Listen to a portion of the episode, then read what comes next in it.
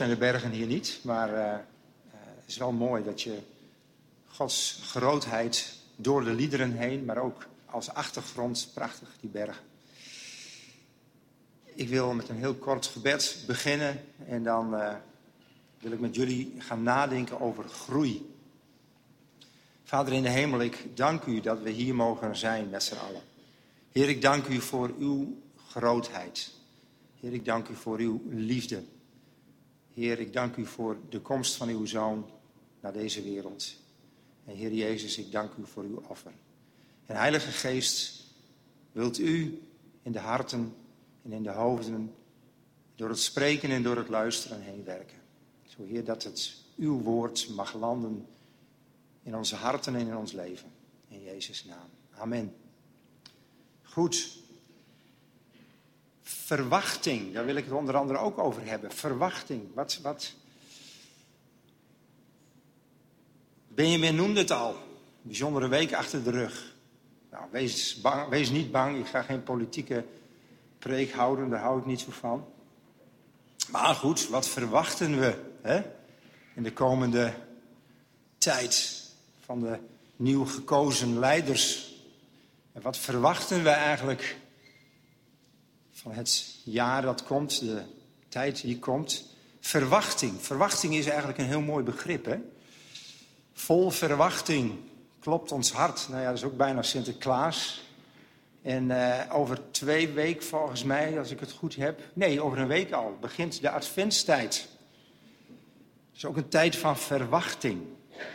Een tijd waarin we uitkijken naar de komst van de Heer.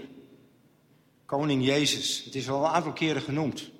Prachtig, Koning Jezus.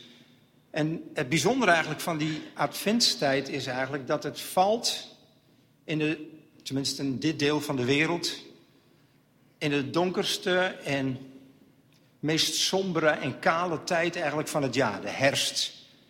En een heel klein stukje winter. Eh, de bomen verliezen hun blad. Toen we hierheen reden, toen zeiden we ook van ja, bijna alle kleur is nu weg. Vorige week was ik met mijn oudste dochter een weekend te, te, ja, te kamperen, nee, te logeren in een B&B in Nieuw-Leuzen. Nou, toen zat er nog een stuk meer blad aan de boom. Je merkt ook, het heeft natuurlijk ook flink gewaaid. Uh, maar dit is een kale, sombere periode, waarbij de natuur eigenlijk op non-actief gaat. Waarbij alles doods lijkt. De akkers zijn leeg. Uh, alles lijkt eigenlijk tot stilstand te zijn gekomen. En toch is het juist in deze periode, want ik wil het met jullie over groei, ook over geestelijke groei hebben. In deze periode is het mooi om stil te staan alweer bij het komende seizoen. Bij volgend jaar, bij het licht dat weer terugkomt. De bomen die weer gaan groeien met blad, de bloemen die weer gaan bloeien. Wij kijken daaruit naar nieuw leven, tenminste ik wel. Tenminste, en dat vind ik mooi, dat deze tijd van Advent in deze tijd valt. Een tijd vol verwachting. Tenminste, als onze verwachting hoopvol is. Ik associeer verwachting eigenlijk heel snel met hoop. Maar ik besefte me in de afgelopen week in de voorbereiding hierop dat angst is ook een soort van verwachting. Angst is ook een vorm van verwachting, namelijk dat het niet goed komt. Dat het allemaal op de kop verkeerd gaat. Dat er iets ergs gebeurt. Dat er, weet ik veel, wat ons te wachten staat. dus ook angst is een vorm van verwachting. En angst kan wanhopig maken. Dus bij verwachting is het heel belangrijk waar wij onze hoop op richten. Op wie wij onze hoop richten. Richten wij onze hoop op wat we zelf doen? Richten wij onze hoop op onze leiders in politieke zin? Of richten wij onze hoop op koning Jezus? Kunnen wij met David, zoals hij dat in Psalm 39, vers 8 zegt, hij zegt, en nu, wat verwacht ik, heren? Mijn hoop, die is op u. Nou, in de adventsperiode kijken wij verlangend en verwachtend uit naar de komst van Koning Jezus. En als christenen denken natuurlijk wij in eerste instantie terug aan zijn eerste komst. En het is belangrijk om in deze periode niet alleen maar romantisch uit te zien naar het komst van kindje Jezus, maar ook te, uit te kijken naar de komst van koning Jezus. Ik hoorde eens in een liedje de uitspraak, het was volgens mij een aanbiddingsliedje, daar kwam de zin in, we all love the baby, but we killed the man. En dat gebeurt natuurlijk heel vaak. baby Jezus is aandoenlijk. En niet alleen voor ons christenen, maar voor de hele wereld eigenlijk. Baby Jezus is aandoenlijk.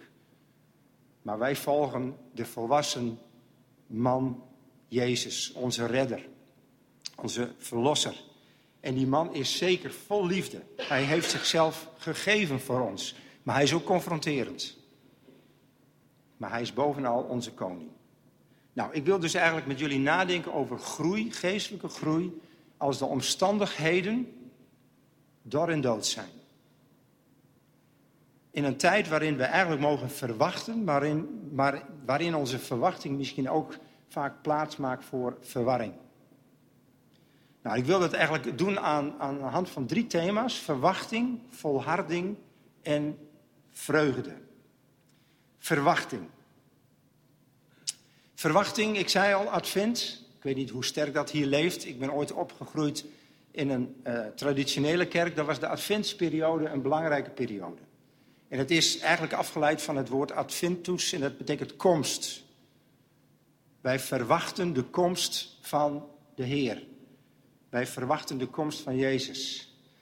En als ik eraan terugdenk, dan had die periode van Advent had voor mij altijd hele, ja, daar denk ik met warme gevoelens aan terug. Ik vond het een mooie periode. Door de weersomstandigheden ben je wat meer naar binnen gekeerd. Mensen, dat, dat hebben wij wel. Uh, je kruipt in huis. Als het kan, doe je de gordijnen dicht. Uh, je zoekt de gezelligheid op met elkaar. Uh, je steekt kaarsjes aan en je probeert het goed te hebben met elkaar. En daar is niks mis mee. Een beetje schuilen bij kaarslicht voor die grote, ingewikkelde wereld die zo verwarrend is. Een wereld vol met geweld, in het Midden-Oosten. Maar ook op heel veel andere plekken die we dan soms weer vergeten, omdat de actualiteit zo, ja, zo zich aan ons opdringt. Vol geweld, vol conflicten, vol ziekte. Die verwarring even voor een periode buitensluiten. Heerlijk. Als kind vond ik dat al prachtig en ik vind dat nog steeds heel erg mooi om uit te kijken, om te verwachten. En die verwachting heeft in mijn optiek alles met hoop te maken. Hoop. Want als je niets meer verwacht, dan hoop je ook niet zoveel. En als je niet meer zoveel hoopt, ja, dan, dan word je op laatst zelfs een beetje wanhopig. Want hoop, hoop is voor de geest wat zuurstof is voor de longen. Hoop is voor de geest wat zuurstof is voor de longen. En laten we alsjeblieft in de komende tijd ook als christenen met elkaar een hele diepe teug hoop nemen. Want dat hebben we zo enorm nodig. Geef dat deze adventsperiode een periode mag zijn van hoop, van verwachting, van wat komen gaat. Sterker nog, van wie er komen gaat.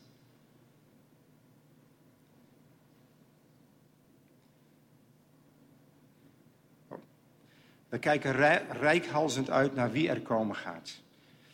Eigenlijk zou ik zeggen, leven wij sowieso in een wereld die vol verwachting is, denk ik. Wij verwachten. En daarom zijn we soms ook zo ongeduldig. Want verwachting heeft alles met geduld te maken. En daar wil ik het ook koppelen aan geestelijke groei. Wees daarin ook geduldig. Verwachten is niet leidzaam afwachten, maar het is op een gepassioneerde manier geduldig zijn.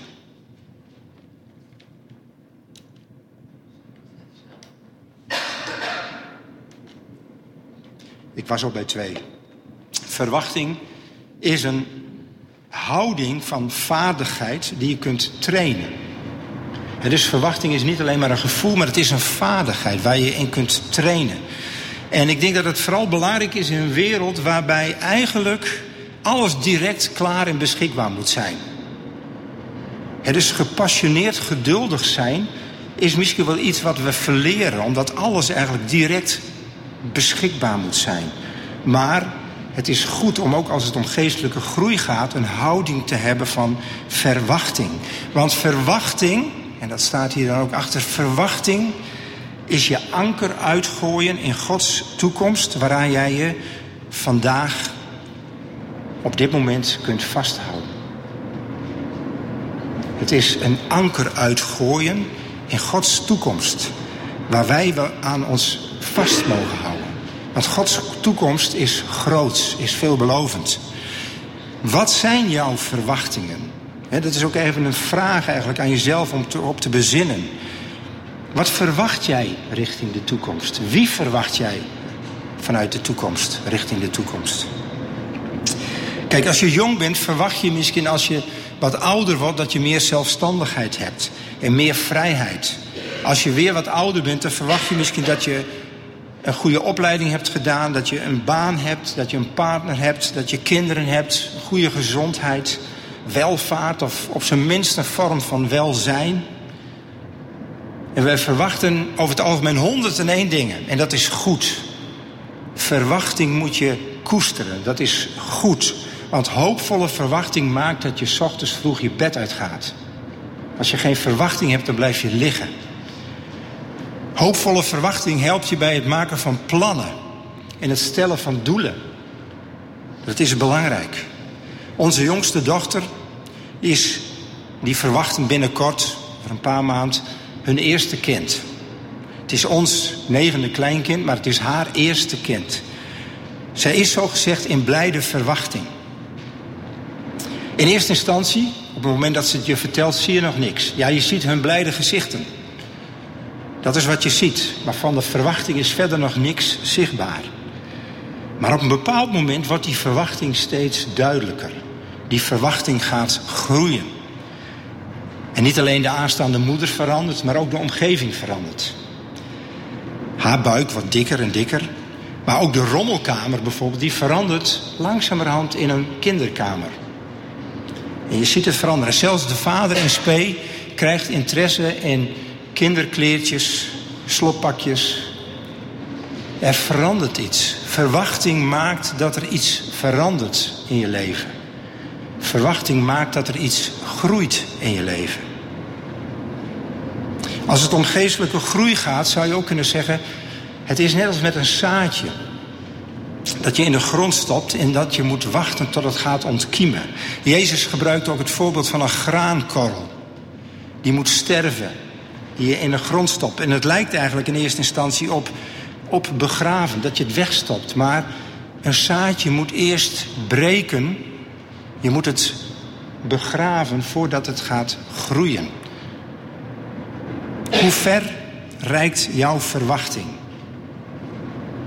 Wat verwacht je voor de toekomst? Voor je eigen toekomst, voor de toekomst van je omgeving, van deze gemeente. En welke zaken moet jij wellicht begraven of afleggen? Welke zaken moet jij afleggen, waardoor er groei kan ontstaan?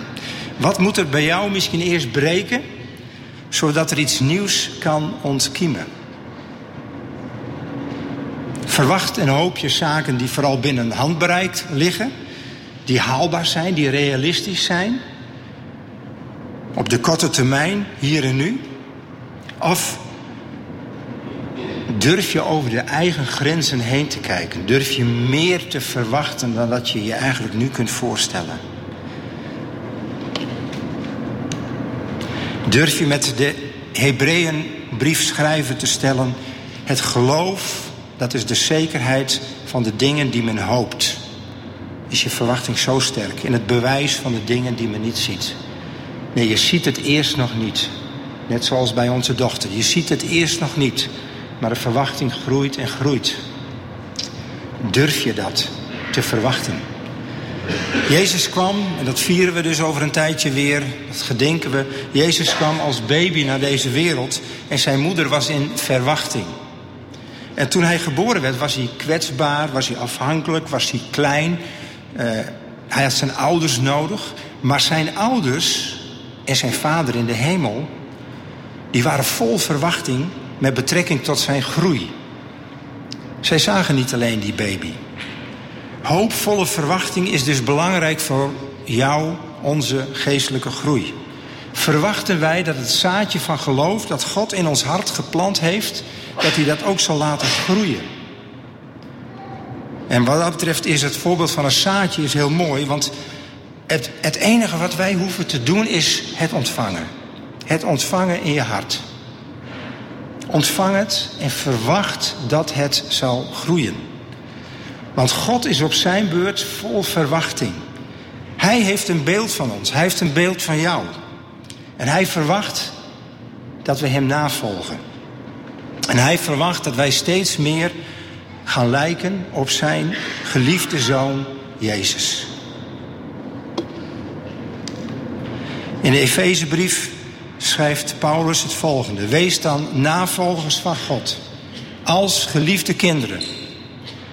En belangrijk hierbij is dat je moet beseffen dat, wij, dat hier niet staat dat wij pas geliefd zijn als wij Hem perfect kunnen navolgen.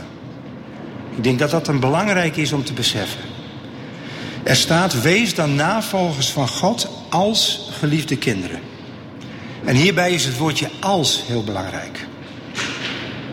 Dankzij Jezus Christus zijn wij, ben jij, als je in Hem gelooft, een geliefd kind. Dit geliefd zijn is het vertrekpunt. We zijn geliefd. We zijn geliefde kinderen van God en wij worden uitgedaagd om ook op die manier te gaan leven als geliefde kinderen. In het Grieks staat er het woord Hosea en het kan vertaald worden alsof. En het is niet dat je nep bent dan, dat je doet alsof.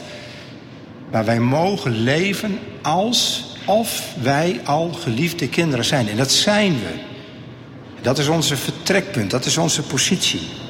En omdat je een kind van God bent, ben je niet dus gebonden aan wie je bent geweest. Sterker nog, je bent zelfs niet gebonden aan wie je nu bent. Maar in God heb je de kracht om te leven zoals je nog niet bent. Of beter gezegd, zo, ja, wat je niet bent, of beter gezegd, zoals je nog niet bent. Je mag verwachten dat je de kracht ontvangt om te gaan leven als dat wie je zult zijn. Nou, dat klinkt misschien een beetje ingewikkeld. Maar God zegt van je bent mijn geliefde kind en je mag leven als een geliefde kind. En op het moment dat je dat doet, zul je ook groeien naar dat geliefde kind zijn. Dat is uiteindelijk waar wij toe geroepen worden. En dat mogen wij verwachten. En, en, en verwachten is iets heel anders dan afwachten. Bij afwachten heb je eigenlijk geen idee wat er gaat gebeuren. Hè? Dat zeggen mensen dan ook wel eens. Nou ja, we moeten maar afwachten wat er gebeurt. Nee, verwachten. Bij verwachten heb je al een beeld van wat er gaat gebeuren. En je hebt een beeld en je hoopt op datgene wat je beloofd is. Dat verwacht je. Goed, ik begreep en ik hoor het zo pas ook dat jullie hier in de gemeente bezig zijn in de kringen met de Colossensenbrief. En daar lees ik ook een stukje uit, eigenlijk al helemaal vanuit het begin. Dus jullie zullen dat ongetwijfeld al behandeld hebben uit hoofdstuk 1. Maar er staan een paar hele mooie zaken in rondom groei, rondom verwachting, rondom volharding. En het, staat ook, het is ook vol met vreugde. Bijvoorbeeld hoofdstuk 1, vers 3 tot en met 5.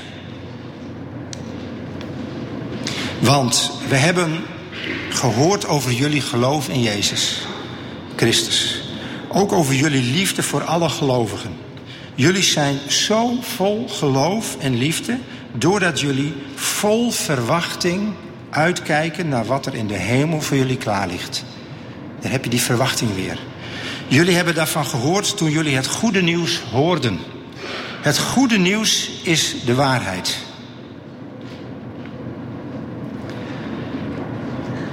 Ik wil stilstaan nu bij het tweede begrip. We hebben verwachting gehad en het tweede begrip is volharding. En dan lees ik eerst nog een paar versen uit het eerste hoofdstuk van de Colossensen, namelijk vers 9 tot en met 11. Daar staat het volgende. We vragen God dat Hij jullie veel wijsheid en geestelijk inzicht zal geven, want daardoor zullen jullie duidelijk kunnen weten wat Zijn wil is. Dan kunnen jullie leven zoals Hij het wil en Hem blij maken met alles wat jullie doen. Dan zullen jullie goede resultaten hebben van alle goede dingen die jullie doen. En ook zullen jullie God steeds beter leren kennen. En jullie zullen vol worden van zijn hemelse kracht. En door die kracht zullen jullie kunnen volhouden en alles met blijdschap kunnen verdragen. Als je iets kunt volhouden en als je iets kunt verdragen, dan kunnen we spreken van volharding. Volharding. Volharding zou je kunnen zeggen is een soort houding van hou je er aan vast. Een soort hou je er aan vastigheid. Klinkt een beetje gek, maar ergens aan vasthouden. Dwars door de verdrukking heen. Volharden. Dingen doen. Uh, Rimke en ik zijn wel hardlopers. Nou, lopen is sowieso altijd een mooie metafoor voor het leven. Maar als je hard loopt, dan moet je soms ook volharden. Met name als je hele lange afstanden loopt. En heb je een bepaalde verwachting. Nou, zoals gisterochtend, het leek eerst mooi weer te worden. Dus de verwachting was, dat wordt een heerlijk loopje op de zaterdagochtend. Maar het bleek regen en hagel en wind. Nou, dan moet je dus volharden. Dan moet je doorgaan. En het is altijd fijn om te horen dat er nog meer mensen zo gek zijn eigenlijk uh, als ik. Uh, ik spring ook graag door het hele jaar heen in het water. Maar gisteren, eigenlijk voor het eerst sinds tijden, zei ik tegen Rimke... nee, dit keer spring ik niet in de sloot. Ik was al koud en nat genoeg dat ik dacht van nee, dit keer ren ik maar door. Terwijl het wel heerlijk is hoor, ook in de winter... ik wou dat ik een vecht om de deur had, maar bij ons is het gewoon een oude sloot. Maar goed, uh, ja. Maar volharden. Volharding. Ben jij iemand bijvoorbeeld die volhardt? Is het zo dat als wij geestelijk groeien, dat dat komt dankzij de omstandigheden? Dat jij als man of als vrouw, als echtgenoot, als partner in je bediening in de gemeente, maar misschien ook zakelijk gezien in de wereld, is het zo dat je groeit omdat de omstandigheden goed zijn? Ik denk het niet. En natuurlijk, natuurlijk is het zo dat, dat we dankbaar mogen zijn voor de omstandigheden die ons gegeven worden. wij zeggen ook vaak tegen elkaar, wat hebben we het goed. Rimke en ik hebben een stichting in Oeganda. En als je dan hun levensstijl en de kwaliteit van leven... nou, misschien niet de kwaliteit van leven... maar wel de, de comfort die wij hebben... en die mensen bijvoorbeeld in Oeganda hebben... als je dat naast elkaar zet, dan zeggen wat hebben we het goed. En dat zijn zegeningen. Maar ik denk niet dat ons geestelijk leven, onze geestelijke groei floreert omdat we het zo goed hebben. Omdat onze omstandigheden zo goed zijn. Ik denk dat het alles met volharding te maken heeft. En ik denk dat wij volharden niet in het geloof. Jij volhardt niet in het geloof omdat de omstandigheden zo goed zijn. Nee, ik denk wij volharden in de omstandigheden omdat wij geloof hebben. Wij volharden in de omstandigheden dankzij ons geloof in Jezus Christus.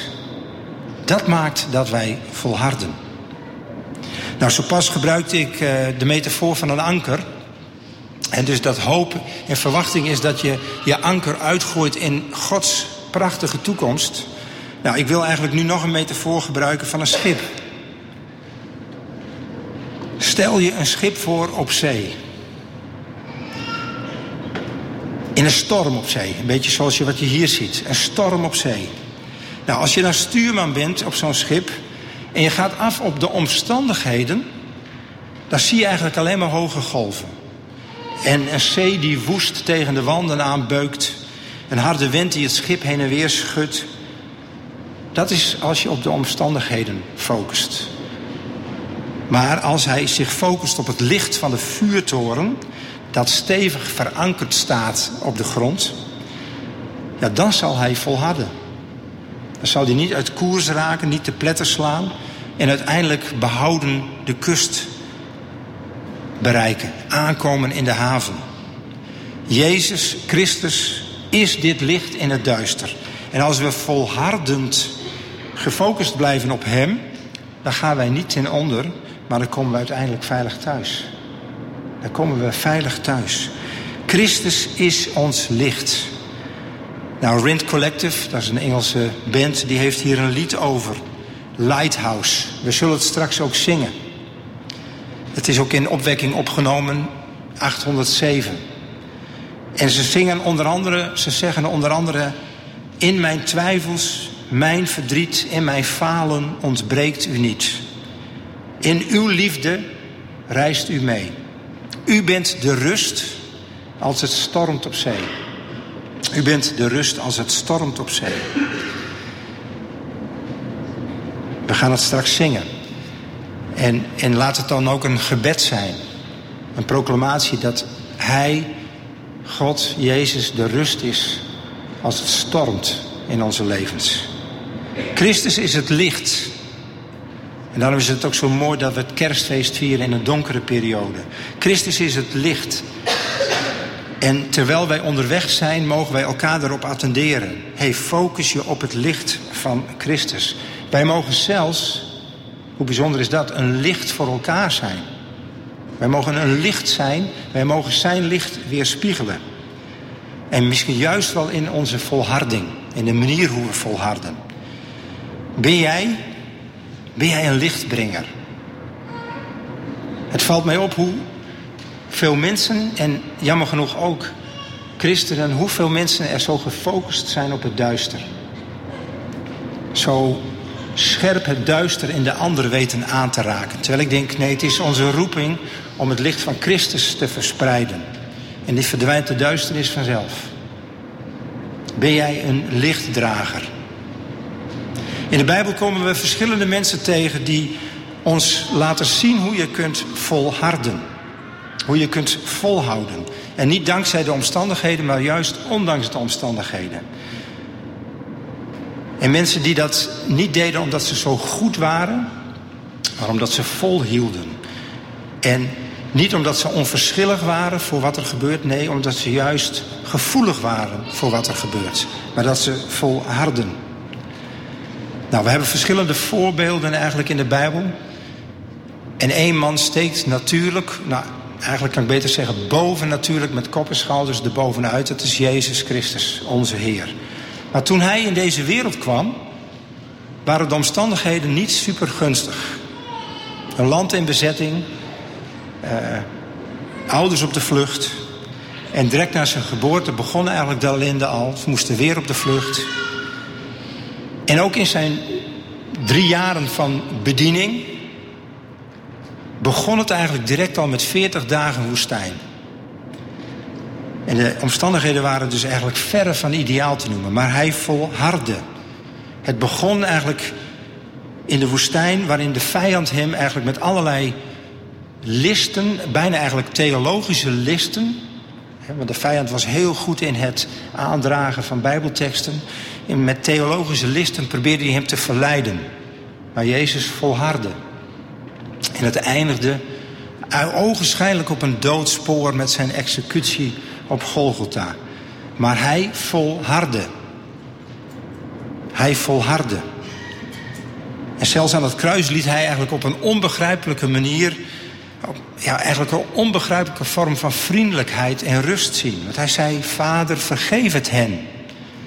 En hij zei uiteindelijk, vader, in uw handen beveel ik mijn geest. Hij volhardde. En wat dachten jullie van Paulus? Nou, je zou dan vanmiddag als je een heel hoofdstuk ellende wil lezen, dan moet je 2 Korintiërs 11 lezen. Daar gaat Paulus uitvoerig vertellen wat hij allemaal aan tegenslag heeft meegemaakt. Geslagen, geconfronteerd met de dood, gestenigd, schipbreuk geleden, voortdurend in gevaar door de natuur, rivieren, bandieten, eigen landgenoten. Nou, hij beschrijft eigenlijk voortdurend allerlei omstandigheden die niet gunstig waren. En toch volhardde hij en zegt hij: Weet je, ik leef met jullie mee, want ik heb dit ook allemaal meegemaakt. Ik heb ook meegemaakt dat mijn verwachting niet uitkwam. maar dat ik moest volharden. Niets van al die omstandigheden waren sterk genoeg om Paulus als het ware van zijn spoor af te brengen, van zijn roeping. Hij ging niet tobben over het feit van heb ik het wel goed begrepen toen op weg naar Damascus. Nee, hij ging door, hij volhardde.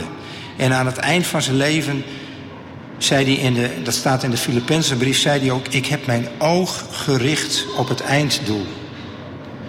Van waar God ons winkt om voort te gaan naar Jezus.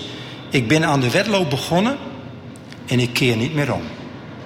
Ik ben aan de wedloop begonnen, ik volhard en ik keer niet meer om. Paulus is dus een prachtig voorbeeld van groeien, geestelijk groeien, dwars door de verdrukking heen. Hoe is dat met jou? Groeien is een kwestie van verwachting, een kwestie van volharding en het hebben van een lange adem. Een voorbeeld van hou je er aan vastigheid. En volharding is dus niet iets waar je vandaag mee begint en als het niet uitkomt morgen weer mee stopt. Nee, het is doorgaan. Doorgaan. Geloof. In geloof doorgaan en niet stoppen.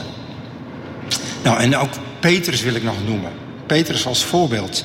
Want volharding betekent namelijk niet volmaaktheid. En dat vind ik het sympathieke van Petrus. Petrus volhardde, maar niet omdat hij zo volmaakt was. Wij geven niet op op het moment dat wij ontdekken dat we nog niet zo volwassen zijn. Hoe vaak gebeurt het niet dat je teleurgesteld raakt in verwachtingen van anderen, maar misschien minstens zo vaak van jezelf? En dat je denkt, jee, ik dacht dat ik al veel verder gegroeid was.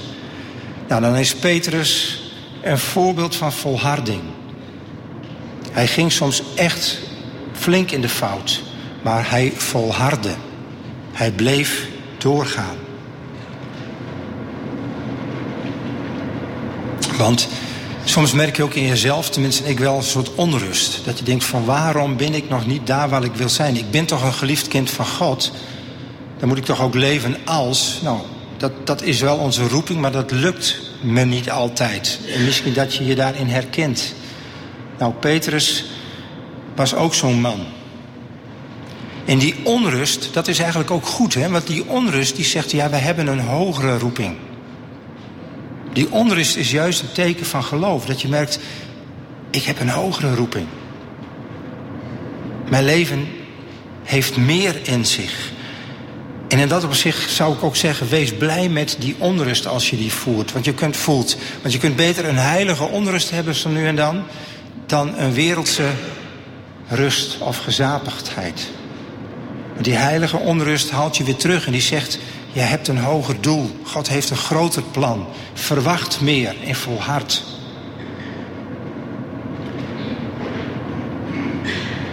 Even terug nog naar hoofdstuk vers 11 in hoofdstuk 1. Want er staat dan in: Jullie zullen vol worden van zijn hemelse kracht.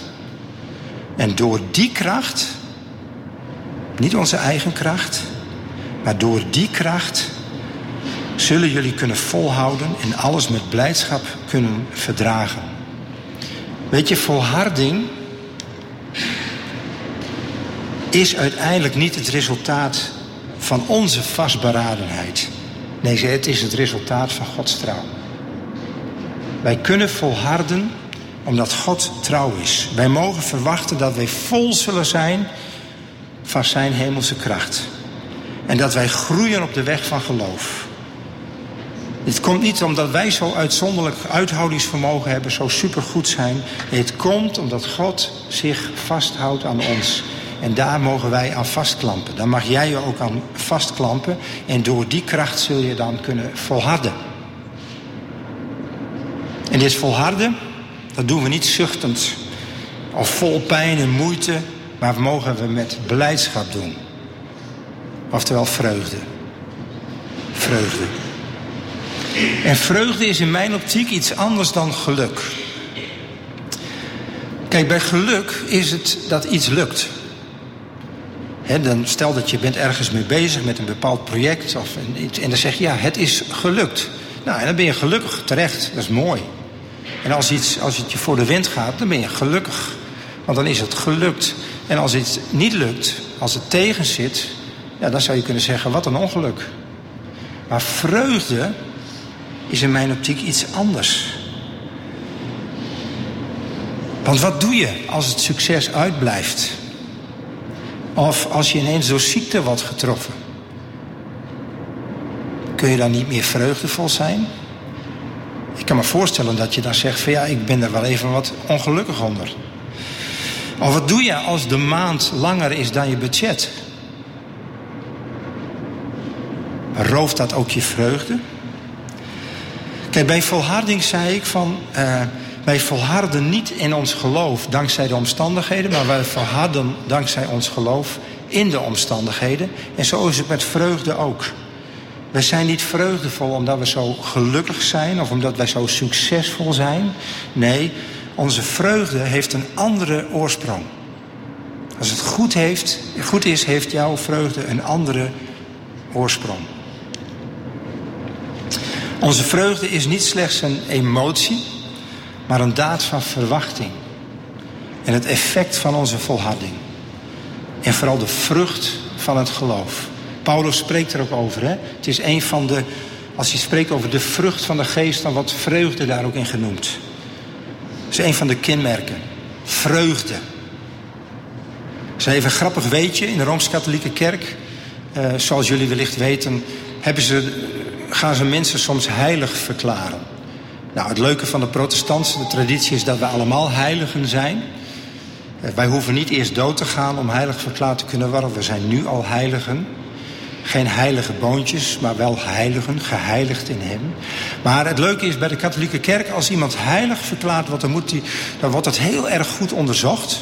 Van welke wonderen zijn er in naam van diegene gedaan. Maar één, het las ik laatst en dat vond ik wel een leuke. Een van de belangrijkste factoren is de mate van vreugde. Dus ze onderzoeken hoeveel vreugde straalde die gelovige uit. Dus je kunt nog zulke grote wonderen gedaan hebben. Als je een sombere zagerijn bent, zul je in de katholieke kerk nooit heilig verklaard worden. De mate van vreugde is, is bepalend. En dat is mooi. Want dat vind ik wel een, een eye-open. Staan wij bekend om onze verwachting? Zeggen, ja, dat zijn verwachtingsvolle mensen. Dat zijn mensen die leven eigenlijk elke dag alsof ze in blije verwachting zijn. Staan wij bekend om onze volharding? Dat ze zeggen, ja, maar die gaan door. Die keren niet om. Die zijn begonnen met een wedstrijd en die blijven lopen. Door de wind, door de regen. Dwars door alles heen. Staan wij bekend om onze vreugde? Dat zou wel mooi zijn, hè? Dat je bekend staat om je vreugde. Dat zeggen bij die, bij die evangelische gemeente daar, in de oase, in Ommen, daar moet je zijn. Maar dat zijn vreugdevolle mensen. Ben je somber, ben je sip, ga daar naartoe. Want je zult er met een brede smile weer vandaan komen. Wat zou dat mooi zijn? Vreugde. Mijn oproep aan jullie is eigenlijk ook om in de komende tijd, en daar mag je zo meteen ook wat over nadenken, om er hier eens over na te denken. Van, kijk, aan het begin van de Colossensenbrief, zijn jullie mee bezig geweest, daar staat eigenlijk dat, daar schrijft Paulus dat de heiligen, de gelovigen van Colosse bekend stonden om hun geloof in Jezus Christus. In hun liefde voor elkaar. Dat is een mooie reputatie, hè? Hij zegt van, weet je, ik schrijf met vreugde naar jullie, want jullie staan bekend om jullie geloof in Jezus Christus en ook om jullie liefde voor elkaar. Stel dat Paulus een brief zou schrijven aan de gelovigen in Ommen. Deze groep. Waar zouden jullie dan onbekend willen staan? Wat hoop je dan dat hij schrijft? En waar hopen jullie voor dat hij voor dankt? En stel dat het te maken zou hebben met jullie geestelijke groei. En stel dat hij vol enthousiasme spreekt over jullie, jullie hoopvolle en verwachtingsvolle levensstijl. Stel, hè? En stel dat hij spreekt over jullie volharding. Wat betekent dat dan voor jou? En stel dat hij spreekt over jullie vreugde. Waaraan denk je dan nu? En hoe ziet jouw verwachting eruit voor de komende tijd? Wat verwacht je van God? Wat verwacht je van de wereld? Wat verwacht je van jezelf? En hoe leef je die verwachting? Hoe wordt die verwachting, zoals bij onze jongste dochter, hoe wordt die verwachting zichtbaar in je leven? Hoe gaat dat groeien? Maar ook, wat heb jij nodig in de komende tijd om te kunnen volharden? En je kent allemaal je eigen omstandigheden en je eigen strijd. En je eigen uitdagingen. Wat en wie heb jij nodig om te volharden? En wie kun jij steunen die in een proces zit van volharding? En hoe zou die vreugde eruit kunnen zien? En niet dankzij de omstandigheden, maar dwars door de omstandigheden heen. Een diepe vreugde. Nou, we gaan zo meteen uh, het lied van uh, Rind Collective zingen. God van licht. En het is een best wel up-tempo lied. He? Dus best wel een stevig lied. Zingen jullie de Engelse of de Nederlandse versie? De, de Engelse. Nou, we hebben zo pas al. Maar het is een lied over stormen, over onrust, over twijfel, over verdriet, over. Eigenlijk allemaal dingen die best wel pittig zijn. En toch is het een vrolijk lied. En ik vind dat mooi, die combinatie van een vrolijk up-tempo lied. Terwijl je dus in die strijd zit. En terwijl we het lied zingen, denk ik, denk er eens over na. Van wat is mijn verwachting? Ik moet niet weglopen, want dan horen jullie mij niet meer. Wat is mijn verwachting? En misschien zeg je wel, Heer, ik verwacht eigenlijk niet meer zoveel. Mijn hoop ziet er soms meer uit, uit ja, als skepsis. Of als zelfs misschien wel wanhoop. Nou, ik zou zeggen, ga dan, stel je open voor de Heer en zeg, Heer, ik wil weer meer van u verwachten. Ik wil weer meer van u verwachten, Heer, want ik heb dat zo nodig om in blijde verwachting te zijn. Ik wil geen sombere criticus worden of iemand die wanhopig wegkruipt. Maar ik wil verwachtingsvol zijn. Als dat, als dat jou betreft, stel je daarvoor open. En als je beseft van ja, maar ik zit in zo'n volhardingsproces. Het klinkt allemaal wel leuk, volharding. Maar man, wat is dat soms zwaar. Als je door ziekte of door onrust of verwarring of ja, andere, andere omstandigheden, dat het stormt in je leven. Als je denkt, ja Heer, geef mij van die kracht. Ik wil wel vol zijn van die kracht, want ik heb het zo nodig om te volharden. Om te volharden in het leven waarin ik nu zit. Stel je open. Hij geeft je die kracht. Hij geeft je die kracht ook door degenen die om je heen zijn. Er zijn hier ook mensen die voor je kunnen bidden, die voor je willen bidden na de dienst. En als je zegt, ja Heer, die vreugde. Geef mij een portie vreugde. En niet zo'n beetje ook. Heer, geef dat ik vol word van vreugde, zodat ik gewoon bekend sta, dat wij bekend staan van, oh maar dat zijn zulke leuke lui. Die zijn zo vrolijk. En dat ze zeggen, ja, dat zijn vreugdevolle mensen. En echt niet omdat het altijd voor de wind gaat hoor. Nee, soms joh, ik ken mensen, zeggen ze dan, die hebben het best zwaar. Door ziekte, door, door financiële omstandigheden, weet ik veel wat. En toch, en toch, wat is het? Wat is toch die vreugde? En dan zullen ze nieuwsgierig worden. En dan zullen ze komen.